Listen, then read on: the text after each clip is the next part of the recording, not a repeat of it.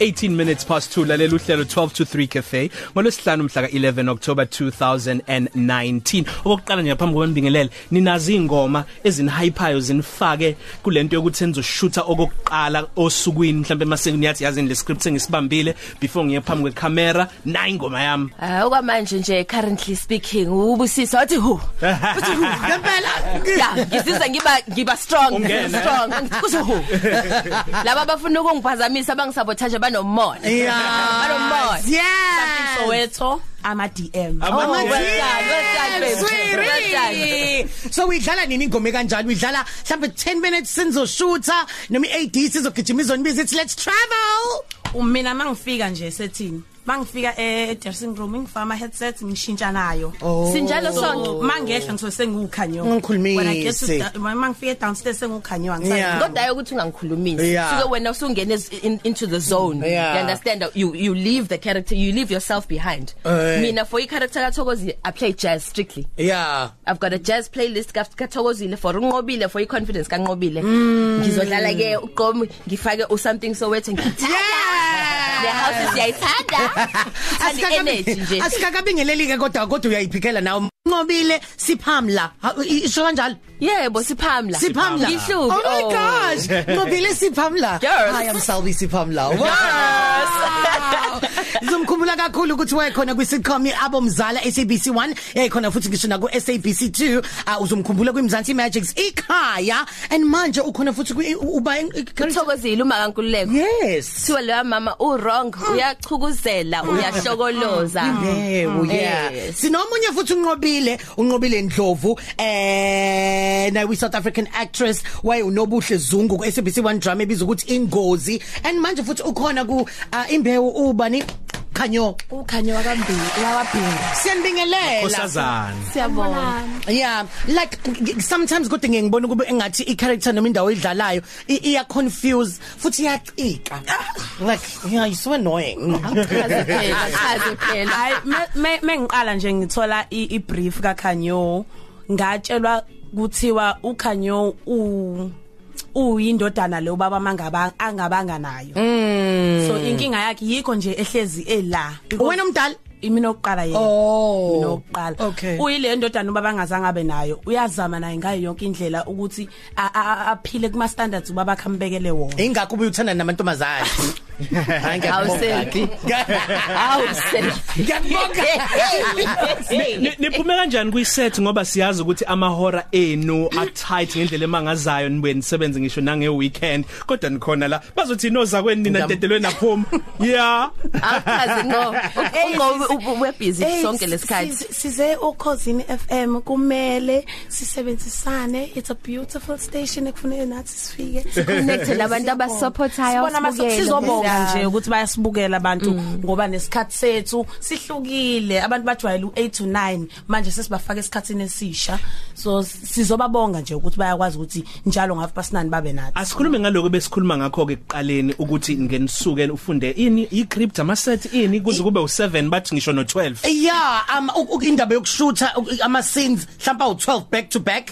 Mawukhuluma ngithi back to back uthi uqeda ukushutha indawo manje kade ulwa ugijime manje uyoshutha indawo la mhlawumbe khona umuntu okuzama ukurape ugijime manje ukuthi usephathini. Kahle ngodlami hawu awulethi indaba ezimnandi. Yazi indaba bro. Ingoba ngifuna ukukhombisa ukuthi kunzima kanjani and umsebenzi wokuba i- i- i-actor singawuthatheli phansi akuvesana bethi nje hello! Cha amen. Kuyasetshenzwa eh yazini indaba yokuactor ifuna umuntu oyimisele futhi umuntu onediscipline. Njengoba unqo ebena 2 months khona manje eshutha ama scene back to back you must understand ukuthi unqo is spending mhlambe usuku nosuku ebusuku. She's preparing ama line akhe for all of those 18 to 12 scenes. Thina sisebenza kanjalo ngoba ngakusasa masofika lapho njengoba kuthiwa back to back u- unikezwa mhlambe 15 minutes 20 minutes ukuthi ushintshe ushintshe ifile e- e- e- engqondweni yakho to the next scene and the next scene and the next scene. And each scene it iba na timing yakhona ukuthi it's a 3 minute scene it's a 5 minute scene. Yeah. so we understand ukuthi wena mangabe uzophazama unga- ungawazi ama line wakho ungaprepareanga it- you you making a delay for i production yonke Yeah. which is cost to company ususebenze nama production amaningi sakubona futhi e- e- e- ku- ku- ku- ku- kuma drama series amaningi kanye nama sitcoms njalo njalo. Um how many years? Sekunyaka emingaki? Yeah Um, mningi 20 20 20 a gentle and- eh eh, eh u20 20 nyana and- and- and- 20 omncane Oh, 20 and then- baby 20 angisazi. Okay u20 years. Ma- mawubuka ma- ma- ma- mawubuka ngesikhathi ngikhathi usaqala ngakhona ngikhathi la uqala ngaso isikhathi kathi uactor and ubuka esikhathini samanje ushintsho lingakanani o noma likhona? Yazi ushintsho look alukho. Ngizokutshela ukuthi ama rates wethu um indlela esiphathwa ngayo emsebenzini ngesinye isikhathi is is very harsh. Ngoba wena ufikele umsebenzi ofanele udeliver right? But ngesinye isikhathi ungumuntu. Mhlambe masovelelwa inkinga ongazilindele Yebo. that becomes a difficult Yebo, situation. yebo, yebo. so ngizothi umuntu u- u- u- ugcina sowufunda nje ukuthi ufanele ubekezelele izinto ezinye ezithile. And unganaki okuningi okuphazamisayo because uzogcina manje wena uba neattitude engekho right emsebenzini. Ngoba sekuthiwa the show must go on. The show must go on because mangabe wena ufuna ukuacta ngempela you're going to do what you there to do. Sihleli dawo bobabili ke labo sisi abalingisayo. Yezwa kumnandi nje unqobile siphamla kanye nonqobile Ndlovu soqhubeka sixoxe nabo. Bazositshela ke futhi ukuthi bavelaphi ezinye izinto abadlule kuze njoba sebeze befike la bekhona. Namhlanje. Imzuzu ishumi nesikhombisa ngaphambi kokuthi kushaye ihora lesithathu. Sihleli nonqobile siphamla nonqobile Ndlovu. Siyabonga kakhulu ngokusibekezelela kwenu ziningi izinto ezenzakalayo emsakazweni kakhulukazi makulu esihlanu. Bafethu impela sonto eh? Nakho nathi siyasebenza. Self beyond noma gig?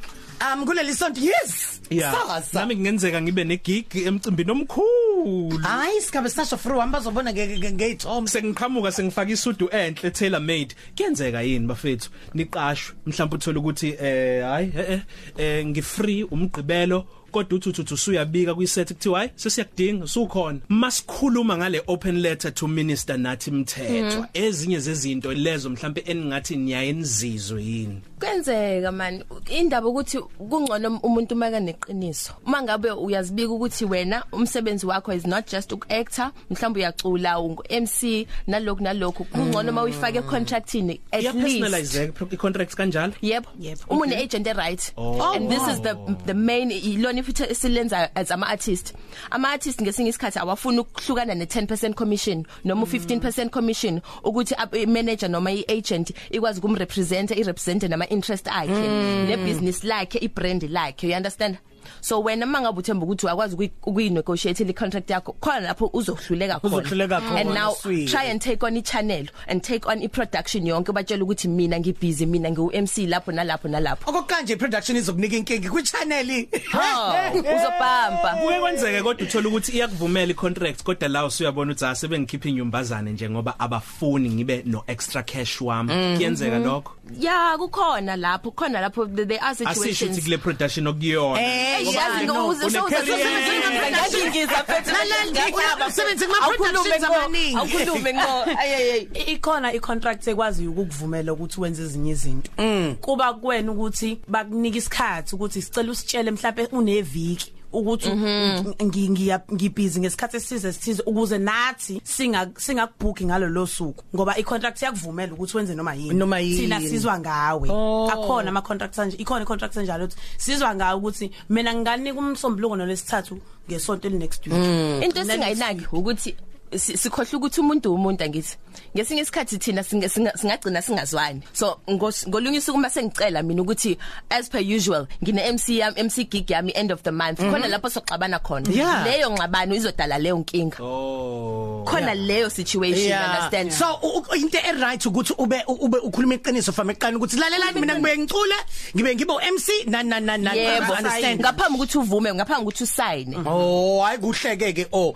Ikhona mhlawumbe oku- okuhalela ukuyidlala or noma o prefer ukuyidlala uncamela ukuyidlala yona. Because mina eh because mina ngingafuna nje ukuba i-villain phakathi eh. Hey mina kwi ngicabanga ukuthi i- i character mhlawumbe em eh kwi TV S4 lengidlalayo kodwa uyena osengichallenge wangifundisa wang- ngicabanga ukuthi ngifuna ukuhlala la ngifunde yonke into engifuna ukuyenza ukuze ngazi ukuthi yini enye engifuna ukuyifunda or yini enye engifuna ukuyiactor. Yeah. mangizofunda yonke into engingayifunda ngokhanyo ngoba umuntu ocomplicated kunezinto eziningi ezenzakala empilweni yakhe zifundisa even mina ngengongqo ngifuna nje ukuthi ngifunde yonke into engawazi ukuyifunda ukuze ngikwazi ukuthi yini engakhula kuyona noma yini entsha esengayenza emva kwale character. Yeah ngo squared. Eh ngo squared. Em mina yazi bese ngiyithembisile nje ukuthi icareer mayiqala ayikho icharacter engeke ngize ngiyithinte. So khona manje ngijabulela ukuthi sengikwazi ukudlala ama villain bengiqala bese ngidlalile abantu abalungile omama bekhaya umkhaya uyazi that's a sweet girl you understand? Baby girl look the good wife you understand? So manje mase ngifikele kulezinga le level it's a nice challenge because now sengifuna ukubona ukuthi ngingakwazi ukuba i villain in a comedic way. Mm. because now that's sing skill ke yeah isi bese nalabo base basejele. And then khona abantu abanama special needs abakhubazeke ngengqondo. Yeah. and there, there's there's so many people esingaba representer. Iyona into esithandayo nge acting is that Yeah. you representing abantu abaphilayo and you kuyenzeka show their lives. i-character ye villain uyithathe manje ugoduke nayo ekhaya kusaphumeki kuyona ngenxa ukuthi singene kanje. Yazi ukubuza ngani lokho? Ama voice over artist ngingam ngingamcaphuna nje uJust Ice uJustice Ramahlola. Le voice akhuluma ngayo akuyona yakhe why practice yazi yangena lento yokuprojecta kanjalo kwagcina kungasaphumeki. Nakubalingisi kuyenzeka yini? Ya mina ifamily yami i- ineqiniso shem. Nomlingani wami uneqiniso. Bavele bangitshela bathi awuyena unqobile. Akuyena unqobile lo? Awuhambi njengonqobile uthetha njengalo mthakathi lo wase TV kodwa kodwa kuyiqiniso ngoba isikhathi esiningi ulo wamthakathi kahle kahle vele. Ngoba i mean monday to friday uhleli kulo mthakathi for 12 hours. And kodwa kuhamba ekhaya ufike ufunde olayini. Omunye mhlawumbe ufunda omunye 4 hours lapho. Usawulo mthakathi. Nge weekend mhlawumbe ngesonto mhlawumbe ngomgqibelo futhi uyashutha mhlawumbe ngesonto kuphela mase ukuthi ube unqobile ngeke ungadideki. Ingakho Yeah. kubalekile ukuthi si debrief abanye bayajima abanye bani- baye baba attend therapy noma uya meditate noma uyathandaza. Kufanele kube nalapho uzinikeza isikhathi sakho ukuthi wena uyithole wena. Just bring yourself back emzimbeni wakho engqondweni yakho. U- uze understand wena ukuthi okay imp- eyakho impilo iqonde kuphi and then i character igcina kuphi. Phone ina debriefa kanjani? Um yoga hey music Gym. gym uh, uh, dance music mina O- okunye ke kunjani um kakhulukazi mawusebenza nabantu abakade bekhona em- e- e- e- e- e- ku- kuyona le ndima le kaqedwe isizungu yok actor phecelezi and um kumele ukuthi ube naye sinini eyodwa naye Hey. kwesinye ke ubamlelethi khumalo lina uyi executive producer futhi yena kumele igame igame igame yakila kumele you know so wenzalani bawusini njalo i mean ama nerves athini? Ngicabanga ukuthi unqobile lapho usuke esha. Unqobile ndlovu e dressing room eshintsha usuke esha shi. Mefika downstairs kufike kuba ukhanyo and ukhanyo uthi uma mncane lo akusiyena ulelethi khumalo uma mncane i relationship yathu inje. So sizosebenza kanje. Mangiphuma futhi ngendlini ngithi "Hawu, kodwa nkosi yami Kaze kodwa ka ngenze TV kahle." izoba njani sikungakholwa leyo? nawe ukuthi buhleli phambi kwayo wayenza lento yenzile. Yeah. Yeah. Guys siyabonga kakhulu. Uh, angigabazi ukuthi ama careers eni asazoqhubeka. Kube khona nomunye u20.0 years. Yeah. 40000 Khonzane emakhaya nani ingane zabathile? Nani Oh. noma nidumile ngakini? Mm, isithandwa sami isithandwa sami uphindile Dlomo eh no Themba wakamajola those are my beautiful parents. Kube usisi wami eh usisi wami nkosiyami usisi wami sisi ngiyakuzokubona namhlanje uya awa- uthole award emsebenzini ngizokubona namhlanje wow, ngizokwenza sure ukuthi ngiyafika. Ngiyakuthanda kakhulu. Sele khonzela ubaba wami uBenjamin, umama wami usibongile, ubhuti wami uNkululeko, uh, uSihle, my best best friend, my brother, uh, and a special birthday dedication Roxlone, Roxanne, happy birthday. All the best. We love you. Love you. Thola kanjani Love ke you. inkundleni zokuxhumana ku Twitter Instagram Uh, at Ngo for real, uh, at Ngo for real NQO number 4 R E E L on Instagram, Okay. at Ngo for real R E A L Twitter. okay ngo uh, uh, u Ndlovu. at ungqondlovu both Instagram and Twitter ungqondlovu All right bafethu sibongeka Khona sikhona ku TV intambama ke ma eh Top 3 Cafe. Ilunch yakho ayifani neyizolo.